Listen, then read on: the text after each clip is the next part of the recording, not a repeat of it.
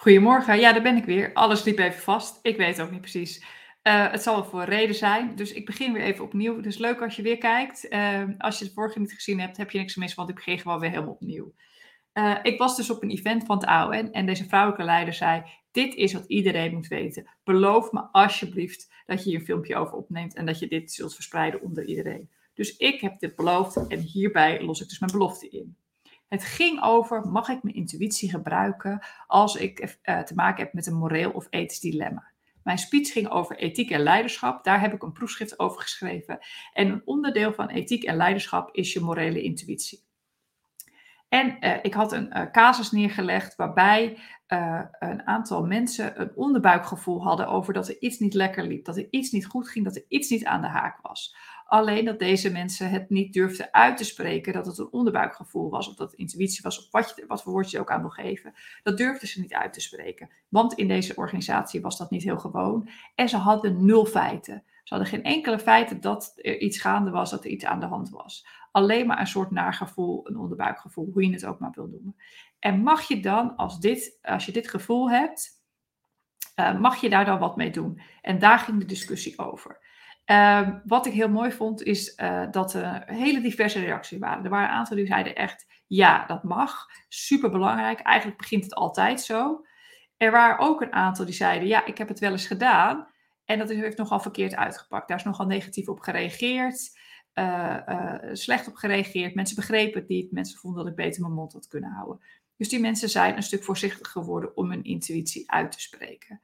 En, um, en dat blijkt ook wel uit onderzoek dat zo'n beetje een derde hun intuïtie gebruikt om beslissingen te nemen, maar dat eigenlijk nooit uitspreekt. En het is natuurlijk interessant, hè, als je dus zelf leidinggevende bent en jij spreekt al niet uit dat je intuïtie gebruikt, dan zullen natuurlijk jouw medewerkers ook niet met een intuïtieve ingeving of een intuïtief onderbuikgevoel naar je toe komen. Daar moet natuurlijk dan wel een vertrouwen in zijn dat dat er mag zijn. En er waren ook een aantal die vonden het echt verkeerd. Van ja, stel je voor dat je iemand nou beticht van ja, je bent een dief en dat blijkt niet zo te zijn. Of je, hè, er was iemand die had ervaring bij de politie waar mensen wel eens valselijk beschuld, beschuldigd waren. En dus die zei absoluut van nou, dat kan nooit, je moet altijd feiten hebben. Nou, is interessant natuurlijk hè, dat die, die, verschillen er uh, bestaan. Ik geloof gewoon heel erg dat intuïtie in dit soort situaties key is en cruciaal is. En niet om iemand ergens van te beschuldigen, maar wel om dat gevoel wat je hebt, dat hmm, het is niet lekker, er klopt iets niet, er loopt iets niet lekker, om dat serieus te nemen. Alleen, het is natuurlijk een soort van gevoel, wat, wat doe je daar dan mee? En wat ik heel duidelijk kon zien in die uh, uh, verschillende reacties, is is het altijd echt je intuïtie? Weet je heel zeker dat dat wat nu bij je opkomt, dat dat je intuïtie is? Want ik vond ook wel dat een aantal reacties nog best wel uh, uit het hoofd kwamen. Een rationele reactie waren. Terwijl ze zelf misschien dachten dat het intuïtie was. Of het verschil tussen je instinct en je intuïtie. Want instinct zijn je overlevingsemoties. He, daar wil je vechten, vluchten. Uh, er vliegt nu een duif bij, voorbij, is ook grappig. Uh, dus vechten, vluchten of bevriezen, dat, dat, is, dat is ons instinct. Die is altijd angstgedreven. Een aantal van die reacties, bijvoorbeeld, hey, ik ben eerder uh, ben ik op mijn vingers getikt toen ik mijn intuïtie deelde. Dan ga je natuurlijk in angst zitten. En kun je dan nog wel echt goed puur intuïtief uh, zijn. Dus dat is denk ik heel belangrijk om dat onderscheid te leren kennen. Wanneer is het echt mijn zuivere intuïtie? En voor mij zijn er twee dingen echt key bij om in je zuivere intuïtie te kunnen zitten. Eén is dat je dus neutraal bent, neutraal geladen bent. Dus dat betekent niet in je emoties te zitten. En wat ik zie is dat vaak ethiek, morele dilemma's, ethische kwesties ook een emotie oproepen. En die emotie kleurt. Die emotie zorgt dat je in, in eerdere herinneringen zit, in eerdere ervaringen zit. Uh, dus pro, dat, wat je dan eerst hebt te doen, is te zorgen dat je je emotie kwijtraakt. Ben je boos op die medewerker? Ben je teleurgesteld? Uh, ben je misschien zelf bang dat je uh, verantwoordelijk gehouden wordt? Dan zul je eerst die emotie moeten neutraliseren.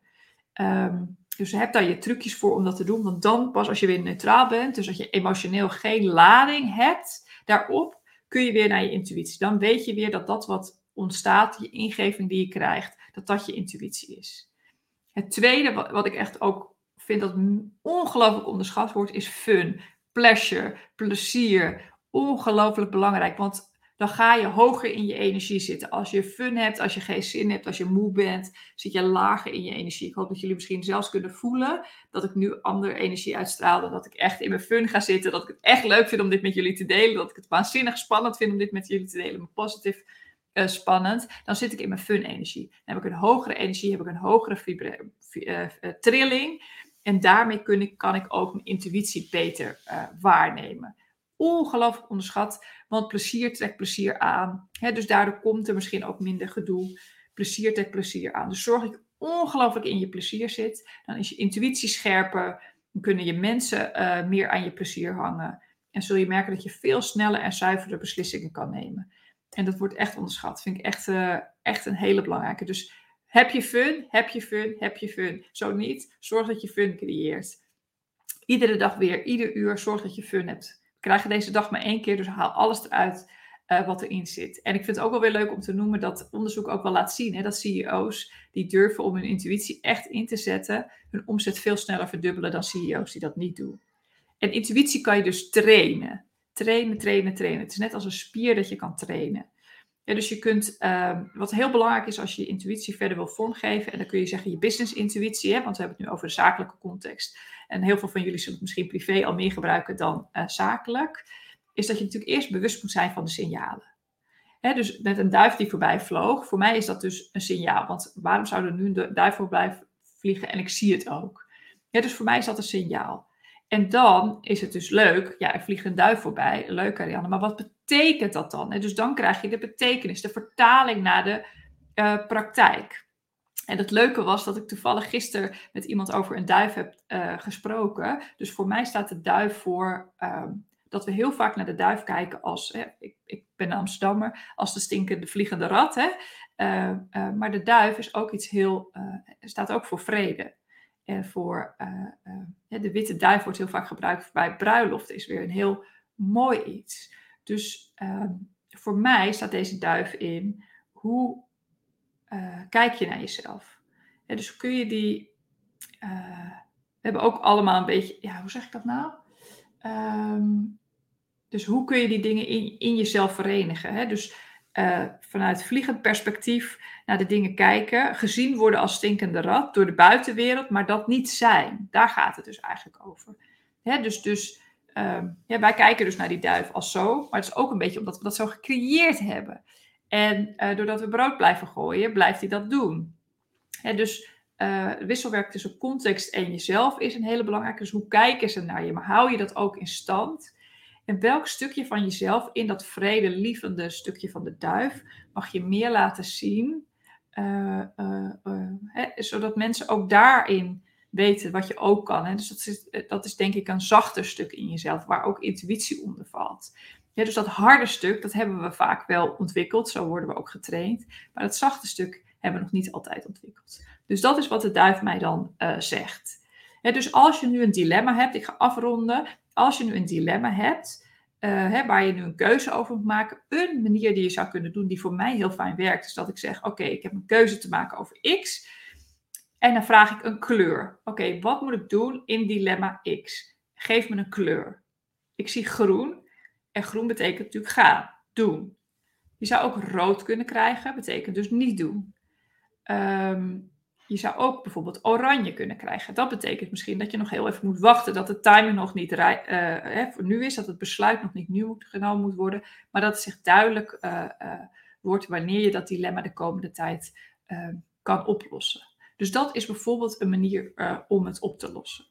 Nou, ik hoop dat dit helpend is. Ik wil stoppen, want ik wil niet te veel van jullie tijd in beslag nemen. Jullie zijn allemaal druk bezette uh, mensen. Uh, laat me weten wat je ervan van vond. Stel me een vraag. Dan uh, stuur me een berichtje via LinkedIn. Ik zal altijd op je vragen antwoorden. Als je even met me wil sparren, één op één, om te kijken naar jouw business intuïtie en waar er voor jou nog kansen liggen die je nu laat liggen, stuur me dan ook vooral een berichtje. Dan kijk ik even met je mee, want ik kan dat super snel. Dus dat kunnen we denk ik in 20 minuten samen doen. Oké, fijne dag.